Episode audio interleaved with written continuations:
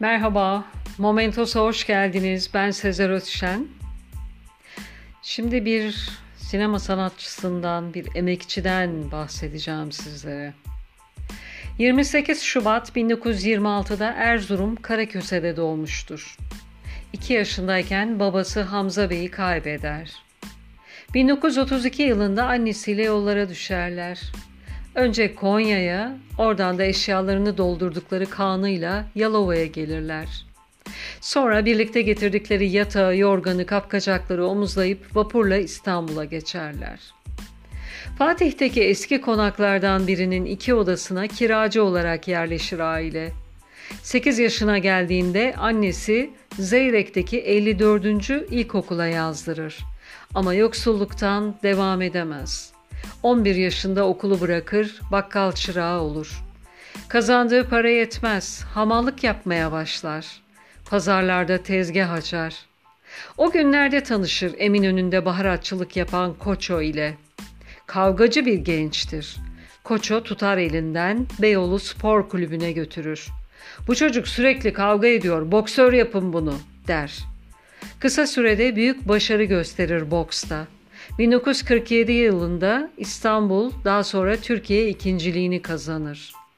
Türkiye ağır siklet şampiyonu ile yaptığı maçta çene kemiği kırılınca boksu bırakır. Can Kurtaran'da bir lastik fabrikasında işçi olarak çalışmaya başlar. Sonraki yıllarda Can Kurtaran'da adıyla birlikte anılacak kahvehaneyi açar. Kahveyi, işletmeyi ömrünün son dönemine kadar sürdürecektir. Yeşilçam'dan kazandığıyla ailesini geçindirmesi de mümkün değildir zaten.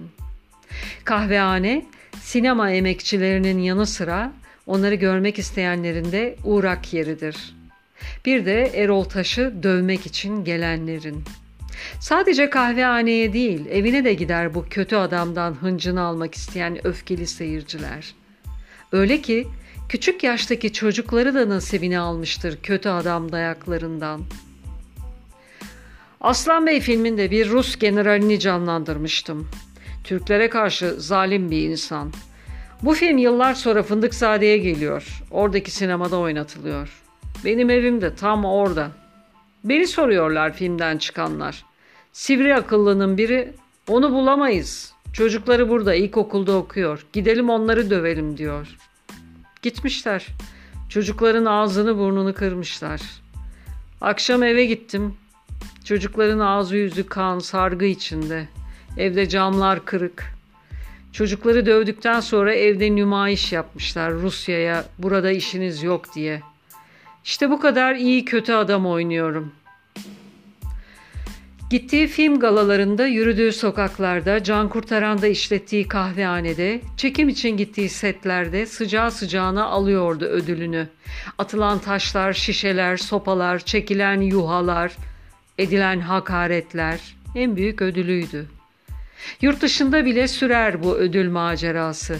Almanya'da çekimdeyken bir Türk ailesi film ekibini evine davet eder. Ev sahibi kadın açar kapıyı. Erol Taş tam içeriye adımını atıyorken kapı suratına kapanır. Türkiye'de yakıp yıktığın yuvalar yeter. Benim yuvamı da yıkmayı mı geldin?